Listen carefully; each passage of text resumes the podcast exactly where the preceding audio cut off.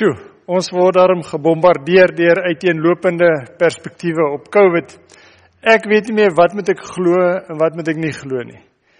Al die uh, agterdog wat daar kom oor uh, oor die uh, wat die die suspisie oor wat als agter alles is en en watter groot planne daar is en goed waarmee ons ingespuit gaan word. Teenoor mense wat weer sê nee, hierdie is regtig 'n wesenlike ding. Uh mense word regtig siek en gaan dood van dit. Tussen hierdie goed weet ons nie meer wat om te glo nie. Maar hier waar ons vanoggend saam is, weet ons wat ons kan glo. En dit is ons is in die teenwoordigheid van 'n God wat alle redenasies al gehoor het. Absurde goed, alle sienings het hy al aan blootstelling gehad. Hy lag oor dit, eeue het verbygegaan en in sy teenwoordigheid gaan ons stil word en net onsself instel op wat regtig belangrik is. Here, dankie vir die voorreg dat ons nou rustig kan raak. Dat ons in u teenwoordigheid kan wees en u op 'n baie besondere manier met ons praat. Dankie vir 'n oop Bybel. En daarmee besef ons is ons op heilige grond. Is ons gereed om te luister. Praat Here, ons luister. Amen. Ons gaan saam lees uit Habakuk. Habakuk hoofstuk 3. Habakuk het 'n baie interessante agtergrond. Dis ehm um, uh dis 'n profeet wat ehm um, soos profete se werk was om die omstandighede te interpreteer. Ons dink baie keer aan profete as mense wat in 'n kristalbal gekyk het en dan hierdie goed uitdink wat niemand aan gedink het nie. Maar profete snaaks genoeg was gewone mense gewees wat geleef het en wat dieselfde tekens en tendense as ander mense gesien het en wat net meer in dit ingelees het as ander mense. Maar nou kry jy doemprofete wat belaglike goed ingelees het of 'n profeet wat regtig sy sout werd is wat dit verantwoordelik geïnterpreteer het. En Habakuk ehm um, is in 'n gewone land soos die ander mense en ons raak nie goed gewoond wat in ons om ons gebeur, die die dinge wat gebeur, die onreg wat daar is, die uh, foute wat mense maak. Dis maar vir ons normaal want dis wat ons ken. Maar sekere mense kyk na dieselfde omstandighede en sê hierdie is nie normaal nie. Hierdie is nie reg nie. So kan dit nie aangaan nie. En so het Habakuk na hulle land gekyk en hy het eenslag in sy een van sy godsdienstoefeninge in 'n gebed het hy met God geworstel. En vir hom gesê Here, wat gaan aan in ons land? Ek meen en dan noem hy die goed hier in hoofstuk 1. Kyk net hoe lyk mense se godsdiens. Godsdiens het vervlak. Mense het geen waardes meer nie. Hulle het geen beginsels meer nie. En uh en verder kyk hoe gaan dit ons regspraak? Ek meen daar dis nie meer die persoon wat skuldig is wat skuldig bewys word nie, dis die een met die meeste geld wat onskuldig bewys word. Regters word omgekoop. Mense uh, met geweld kry hulle goed gedoen. Uh mense is bang om om om om die regte goed te doen. En kyk hoe gaan dit in ons gesinslewens. Hemeltjie weduwees, kyk hoe word hulle behandel. Ons is voorstel om hulle om te gee. Die woord is duidelik daaroor, maar hulle word op die straat uitgesit. Dis weeskinders. Dis chaos in hierdie land. En Habakuk uh, maak net sy hart skoon teenoor God. En dan sê God vir hom, weet jy Habakuk, ek wil net vir jou sê, jy weet nog niks. Dis baie erger en slegter as wat jy sê. Dis vir my baie slegter. Jy kan in die aande nog gaan slaap en terwyl jy slaap vergeet jy van die goed en môre as jy wakker word gaan jy weer aan. Ek slaap nie. Die hele tyd is ek bewus van hierdie goed. En verder is ek alomteenwoordig wat beteken ek is oral op die aarde op enige gegee tyd van die van die dag. So wanneer wanneer jy wat jy nie van weet nie, die onreg aan die ander kant van die aarde, weet ek van. En dis baie erger as wat jy dink. Dis verskriklik want ek weet selfs wat dink mense. Ek weet hoe verkeerd is hulle motiewe regtig. En wat jy sê is reg. Dis onaanvaarbaar. En ek gaan 'n plan daarmee maak. En Habakuk sê, "Maar Here, Hierdie wil ek nie misloop nie. Hierdie is 'n mooi ding wat gebeur. Watter plan gaan jy maak? En dan sê die Here vir hom, Habakuk, jy's mos nou 'n profeet. Jy lees die tekens en jy kan sien hier's 'n redelike magsopbou aan die gang daar in die noorde. Uh daarvan van van ons huidige Irak se kant af, die Babiloniërs. Uh Habakuk praat van die Galdeërs. En hulle het 'n hulle het 'n plan met julle hierso. Hulle is hulle het hulle oë op op Jerusalem spesifiek. En uh, en weet jy wat, Habakuk, ek gaan hulle gebruik om hierdie land vir 'n slag dinge te zero. Om net weer hierdie land te sorg dat dinge oorbegin want jy gaan hom nie reg kry nie, hy's te korrup. Hy's hy's kern verrot. En dan uh sê Habakuk, "Hemeltjie Here, maar nou verstaan ek nie want het u geweet hoe wreed is daai Babiloniërs?" Ek meen hulle is en dan dis skrikwekkend as Habakuk vir ons beskryf hoe die Babiloniërs met hoeveel oordadige geweld hulle um, volke oorheers het en in gevange geneem het en hoe korrup hulle is en hoeveel misbruik daar by hulle is as jy dink die Joodse volk was erg hulle is nog duisend keer erger En dan ek sê Here, maar dis absurd. Hoe kan jy hoe kan jy so goddelose volk gebruik? Ek meen ons maak droog en dit jy moet iets aan doen en dis my reg. Maar moet jy hulle gebruik? En dan sê die Here vir hom, Habakuk, ehm um, ek wil net vir jou sê, moet jy nie bekommerd wees nie. Wat hulle doen is ook onaanvaarbaar en op my tyd sal ek met hulle afreken. Dit kan ek jou verseker en ek sal dit op maniere doen wat jy jou hande oor gaan saamslaan. Jy wil nie weet wat vir hulle voorlê nie. Maar dis nie jou bekommernis nie. Jou bekommernis is Jou bekommernis is ander dinge. En dan as Habakuk besef wat gaan gebeur, dan is daar 'n gedeelte in Habakuk 2 wat hy sê, maar ek wil net vir 'n oomblik dink oor God, hoe groot God is. Ek is nou bewus van die Babiloniërs, hoe groot hulle is en sterk en gevaarlik en bedreigend. En dan die mooiste hoofstuk oor God se grootheid in die natuur, die krag van die natuur en die besef maar God is in beheer van alles. En dan aan die einde van daai ervaring kry ons die hoofstuk wat so bekend is Habakuk 3. Ehm um, en ons gaan daai saam lees. Habakuk 3 van vers 16 af. Ehm um, Toe ek hierdie dinge hoor, het ek gesidder. My lippe het gebewe, my hele liggaam het lam geword. My bene het aan die ruk gegaan. So hierdie beskryf vir ons die die die ergste vrees wat daar kan wees. Hy is ongelooflik bang en die feit is hy het rede. Dit het nog nie gebeur nie, dit gaan gebeur en dit was erger as wat hy in sy wildste droom hom voorgestel het. So toe hy begin besef wat aan die gebeur is, toe hy toe hy toe hy fisies begin om om die ergste vrees te demonstreer in sy liggaam het hy dit gevoel. Tog sê hy, sal ek geduldig wag dat die dag van die oordeel moet kom oor die volk deur wie ons aangeval is. So hy sê tog sal ek geduldig wag. Dit gaan verskriklik wees, maar by die Babiloniërs, God sal met hulle werk en ek gaan my nie daaroor bekommer nie. Al sou die vrye boom nie bot nie en daar geen druiwe aan die wingerde wees nie. Al sou die olyfoes misluk en die lande geen oes lewer nie. Al sou daar geen kleinvee in die kampe meer wees nie en die beeskrale sonder beeste wees. Nogtans sal ek in die Here jubel sal ek juig in God, my redder. Die Here my God gee vir my krag. Hy maak my voete soos die van 'n ribbok op hoë plekke laat hy my veilig loop. Die laaste vers, die Here my God gee vir my krag. Hy maak my voete soos die van 'n ribbok op hoë plekke laat hy my veilig loop. Ehm um, daar was geen twyfel by Habakuk gewees oor wat vir hulle voorlê nie. Hy het geweet wat in die land aangaan en hy het geweet wat God daarmee gaan maak. Ehm um, en die gevolge was te erg om te noem.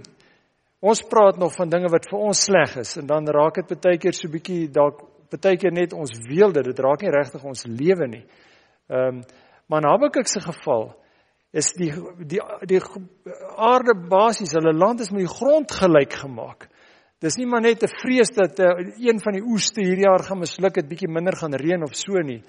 Ehm um, daar's 'n aktiewe proses om die land te vernietig. En die rede waarom die land vernietig is, uh, aan die een kant is dit baie keer sommer net vernietig om die mense se moraal te breek. Dis was deel van die Babiloniese strategie gewees. Maar ander keer het hulle dit geplunder. Hulle het dus van die goed vir hulle saamgevat. So hy weet net as hierdie mense klaar in die land was, gaan daar geen uh, gaan die vrye boom nie meer bot nie. Daar gaan geen druiwe aan die wingerde wees nie. Ehm um, dit was die gewone voedsel. Hierdie was nie hulle luksede gewees nie. Hierdie was hulle gewone kos gewees. Die land het baie daarvan gehad. Al sou die olyfoes misluk, die lande geen oes lewer nie. Ehm um, olywe uit olywe het hulle klomp uh ehm um, goed gemaak wat hulle gebruik het, olies en goed wat hulle nodig gehad het vir hulle gesondheid en vir hulle kos voorbereiding en alles. Van dit het hulle uitgevoer, hulle het geld daar uitgekry. Uh die lande geen oes lewer nie. Dis 'n skrikwekkende ding. Want vir 'n land om geen oes te lewer nie, beteken ek het hierdie geweldige insetkoste gehad. Dit het ek verloor, maar gewoonlik doen ek dit want ek gaan iets kry Toe het daar niks na die tyd gekom nie en nou moet jy daai hele tyd wag. Die nuwe seisoen moet die goed nog geweeg geplan word met geld wat jy waar kry, niks meer hierheen gekry nie. So net die woorde daar gaan geen oes wees nie. Enige boer sal dit weet. Dit maak dat maak dinge in jou skrikwekkend wakker. Dood. Jy jy word doodbang. Dit het dis ingrypende konsekwensies as daar geen oes op die lande is nie. Dis nie eens 'n misoes nie. As geen oes nie, daar's nie eens gesaai eh, van die gesaaides niks opgekom nie. Daar's geen klein vee in die kampe nie en geen beeskrale, beeste in die beeskrale. Nou dis nog die goed wat kan hou wanneer dit sleg gaan. Weet ek dit gaan nou swaar, maar daar is daarom ietsie wat wag. As dit as ons net kan uithou, kan ons later weer van hierdie vee gebruik. Daar is geen vee nie. So daar's nie eens 'n toekoms nie. Daar's nie eens 'n plan vorentoe dat daar iets gaan wees nie. Hierdie is die uiterste uiterste beskrywing van wanhoop. Daar's regtig niks. En ons het ook baie daarvan en ons uh, ons stap dit ook baie keer. Beteken ons wanhoop en slegte en slegte nuus. Partykeer is daar nog heelwat om mee aan te gaan. Daar's nog iets om mee te werk, maar ons maak asof daar niks is nie. Daar's geen toekoms nie. En dis 'n seker sin 'n gevaarlike ding om te doen. Dis 'n lekker ding om te doen want dit maak dit ek 'n gehoor kry wat aan my luister. Dit maak dit ek verskonings het vir die goed wat ek nie reg kry nie. Ek kon 'n baie suksesvolle besigheid gehad het, maar kyk nou net van die die misdaad en al die goed wat nie reg is nie. Daarom het ek dit nie. En wat wat wat gevaarlik is van verskonings soek vir verkeerde omstandighede is ek bly dan in daai omstandighede En ek verskoon myself om enige goeie plan te maak, want wie kan teen dit veg? Wie kan 'n plan teen dit maak? As ek nie weet ek gaan werk kry nie, wat gaan ek doen? So dit is 'n lekker ding om te doen. Uh dit dit dit dit dit maak dit ek uh gehoor word, maar dit is 'n gevaarlike ding om te doen, want dit kan veroorsaak dat na 'n lang tyd ek nog steeds in daardie omstandighede bly. En dis 'n groot gevaar in ons land want dinge is moeilik, dinge is ingewikkeld, daar is geweldige uitdagings.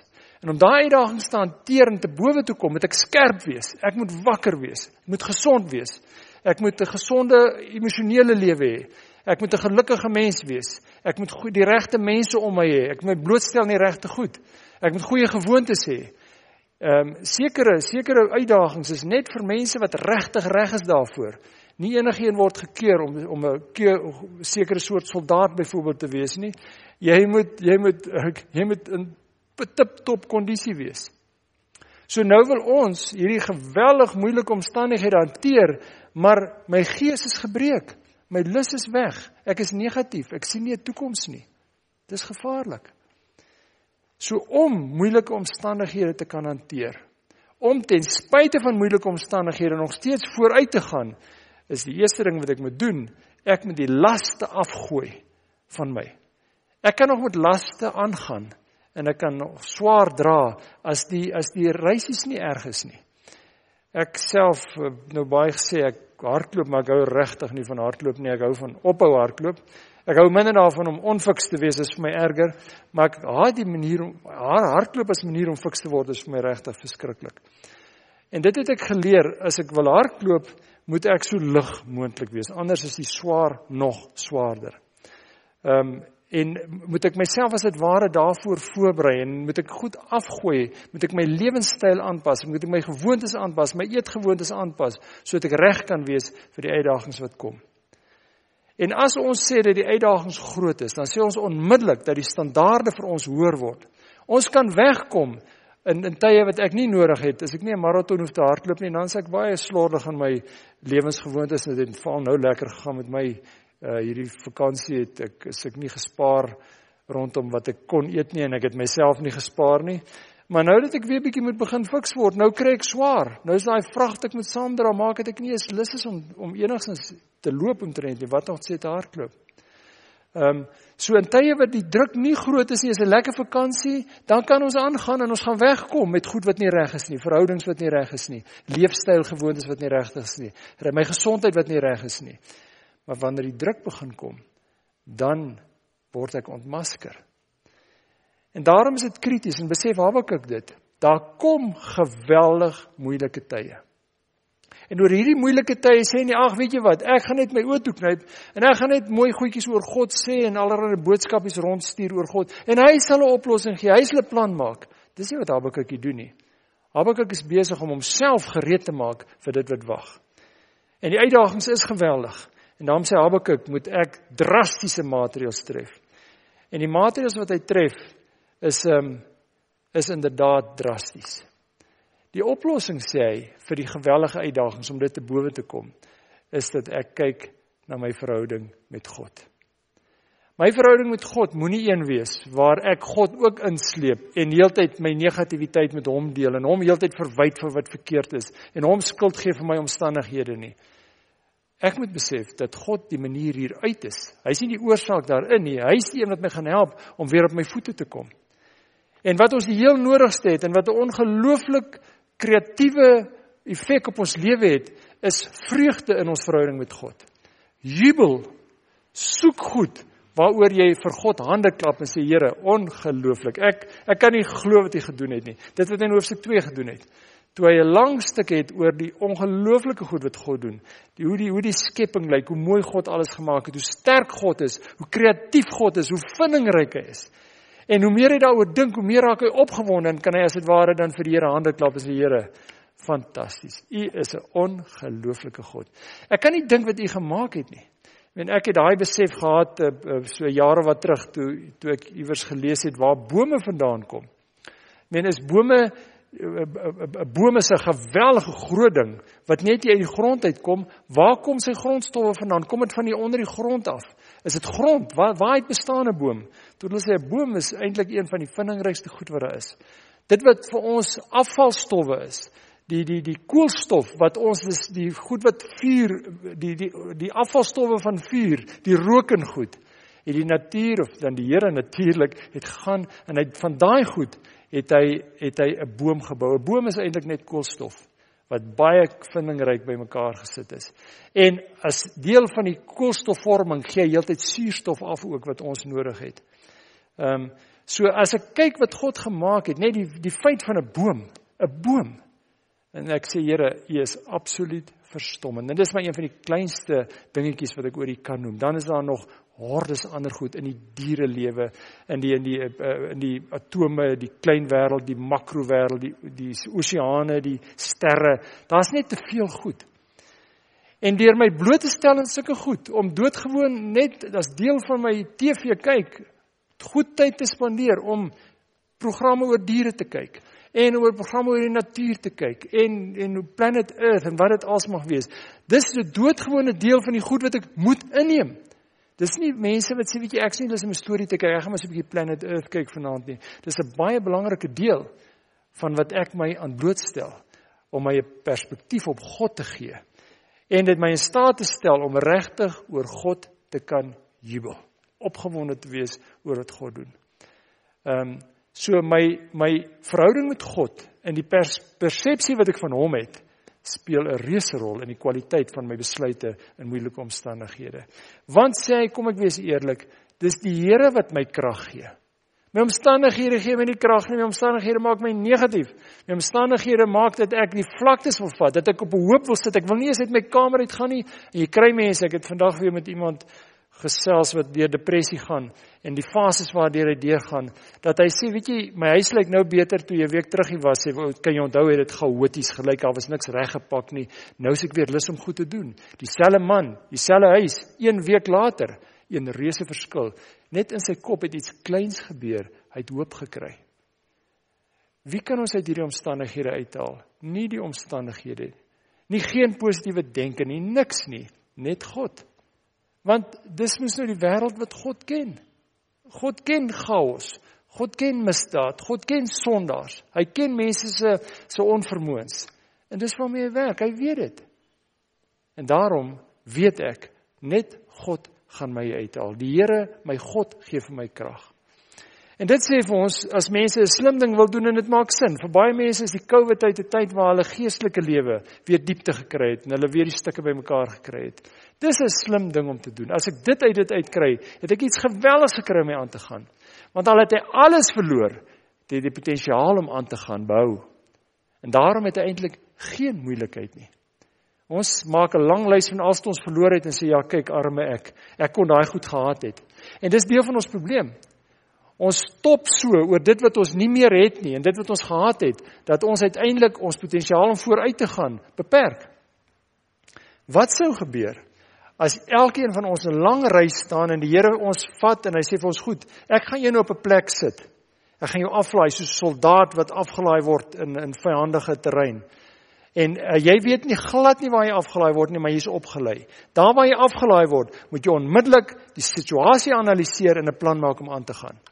En waar jy ook al land, sien jy, goed, hier is hier is 'n uh, voorraad wat ek kan gebruik. Daar's 'n uh, uh, diep skag, daar's water en jy kyk die situasie, o, daar's vyand. Ek kan sommer sien daar's vyandige beweging en onmiddellik stel ek my in, maar ek weet ek gaan 'n verskil maak. Ek gaan oorleef hier.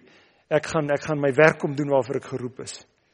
En as ons as dit ware so beleef, jy word afgelaai en toe jy land, land jy in jou in jou stoel in jou sitkamer. En jy sê, "O, hierdie is die huis wat ek het. My magies, is dit die prente wat hierdie mense gebruik het? En is dit die kar wat hulle buite het? Is dit hulle diere?" En ek begin agter te kom as ek in die bankbalans kyk, wat is die uitdagings, wat is die potensiaal? En ek kyk al daai goed en ek sê, "Goed, ek gaan hiervan iets ordentliks maak. Ek is hier afgelaai met 'n doel." En wat hierdie eintlik doen, die Here laai ons elke dag as dit ware nuut in ons omstandighede af met 'n ingesteldheid van ek gaan 'n verskil maak. Daar's 'n toekoms, daar's hoop. Ek gaan 'n plan maak. Elke keer. Ons gaan en ons gaan vat sekere van die goed wat ons reg gekry het en ons toe weer verloor het en ons sit heeltyd in huil oor die ding wat ons nie meer reg gekry het nie. Maar intussen is daar 'n horde potensiaal wat ons nie gebruik nie. En dis wat Habakuk doen. Hy handel as dit ware die verlede af. Dis 'n verskriklike verlede. Hy moet in 'n gat gaan sit. Hy het dit gesien, realisties gesien, beter as ander mense wat onrealisties is en uh en hy het besluit daaroor geneem. Gekyk hoe hy hoe hy met God staan en hy het opgestaan en hy het aangegaan. Ehm um, die Here my God is die een wat my krag gee. Dit moet ons weet. Net God kan ons uittel. En dis nie dat God 'n kunsmatige of 'n wonderwerk gaan doen nie. Uh dis dit God met my gaan begin werk. Dis sy eerste uitdaging. Ek is sy wonderwerk. Ek is die een wie hy sy perspektief moet verander. Ek is die een wie hy nuwe moontlikhede moet wys. As ons vir onsself sê daar is nie moontlikhede nie, ons is beperk, dan is dit nie waar nie. Daar is moontlikhede. In die chaos daar mense wat floreer. Maar ons was te eng. Ons het in 'n sekere groef ingedink en ons onsself vasgedink. Ehm um, ek ek besef al hoe meer as ek met mense werk en ek sê ook vir hulle jy moet die woorde uit jou woordeskat begin uithaal. Ek soek werk. Iemand sal my werk gee, maar as ook nie my werk nie, wie stel nou mense aan? Moenie dink in terme van werk kry by iemand anders nie. Maak jou eie werk. Skep 'n ding, skep 'n produk, bid die Here vir wysheid, kyk na jou potensiaal, kyk na jou moontlikhede. Begin 'n besigheid. Moenie wag dat iemand anders met 'n besigheid jou in diens gaan neem nie. Dis nie 'n goeie tyd vir dit nie. As jy ooit 'n entrepreneur wou wees, is dit nou 'n goeie tyd. En dis wat ons verhouding met God doen. Hy smyt al die laste van ons af. Al die goed wat ons met ons saamdra in ons lewe kompliseer en hy wys ons ons potensiaal. En in die chaos wys hy vir ons moontlikhede en wys hy 'n toekoms vir ons. Hoe maak die Here ons hoor hierdie mooi beeld? Hy maak my voete soos die van 'n ribbok op hoë plekke dat hy my veilig loop. Ek kan my verkyk as ons in die Drakensberg kom, daar's sulke bokke. Ek het al gekyk, jy kan nie te naby kom nie, maar hulle het net sulke klein kloutjies. Ek dink hulle het reuse goed wat kan vat soos 'n spinnekop. Klein kloutjies. Daai bokke, hulle staan op die reusagtigste afgronde, gaan nog af. Hulle kry 'n trapplek, jy weet nie waar hulle dit reg kry nie. En dis wat mense van Christene wil sê. Ek het nie gedink daar's 'n kans nie. Ek het nie gedink daar's 'n moontlikheid nie. En jou werklik waar, daar sien jy dit raak. Daar trap jy stewig. En dis wat God aan ons doen. God gee vir ons midde in moeilike omstandighede, gee hy vir ons maniere om aan te gaan. En kom ons uh, vra dit vir hom vandag. Here, ek wil vir u vra om my oë oop te maak vir die moontlikhede. En ek wil vir u vra om my in staat te stel om die bog wat ek met my saamdra, al die verwyte en die skuld wat ek uitdeel, die goed af te smyt. En ek wil net by u kom sit en ek wil net by u vreugde vind. Ek wil hande klap vir dit wat u doen. Ek wil u volg in alles wat u doen. En kom ons doen dit nou in 'n gebed. Here, dankie dat ons op die beste plek is. Ons het nie oplossings nie. Die omstandighede het nie beter geword nie, dit word nog slegter. Maar ons is nie bekommerd nie. En dis nie dat ons ons oë toeknyp vir die werklikheid nie, ons weet hoe lyk die werklikheid.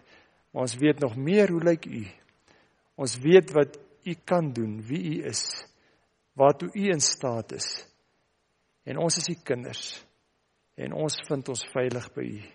Dankie daarvoor. En nou bid ons vir U kinders. Here, daar's regtig mense wat so swaar kry. Uh hulle uitsig verloor het. Uh mense wat onseker is, wat bang is. Wil U op 'n besondere manier hulle rustig maak? Wil U by hulle kom sit en wil U hulle oë oopmaak vir die ongelooflike moontlikhede wat net by U is? Ons bid vandag vir diepte in ons geestelike lewens. Ons bid vir meer mense wat besef dat God die antwoord is. Ons bid vir 'n kwaliteit Christendom, mense wat hulle verhouding met U op 'n manier uitleef wat ander aantrek. Ehm um, wat ander 'n begeerte gee om na U toe te kom. Wees met U kinders, wees met U kerk in hierdie tyd. Ehm um, en dan bid ons vir die mense wat ons land lei. Uh dis ons roeping om vir hulle te bid. Ons bid vir wysheid, ons bid vir integriteit.